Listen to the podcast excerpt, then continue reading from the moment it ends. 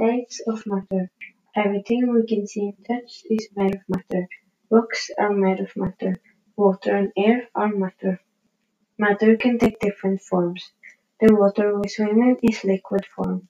Liquids take the shape of whatever container they are in. Water in a round swimming pool takes the shape of the round pool. If it rains too much, water might spill over.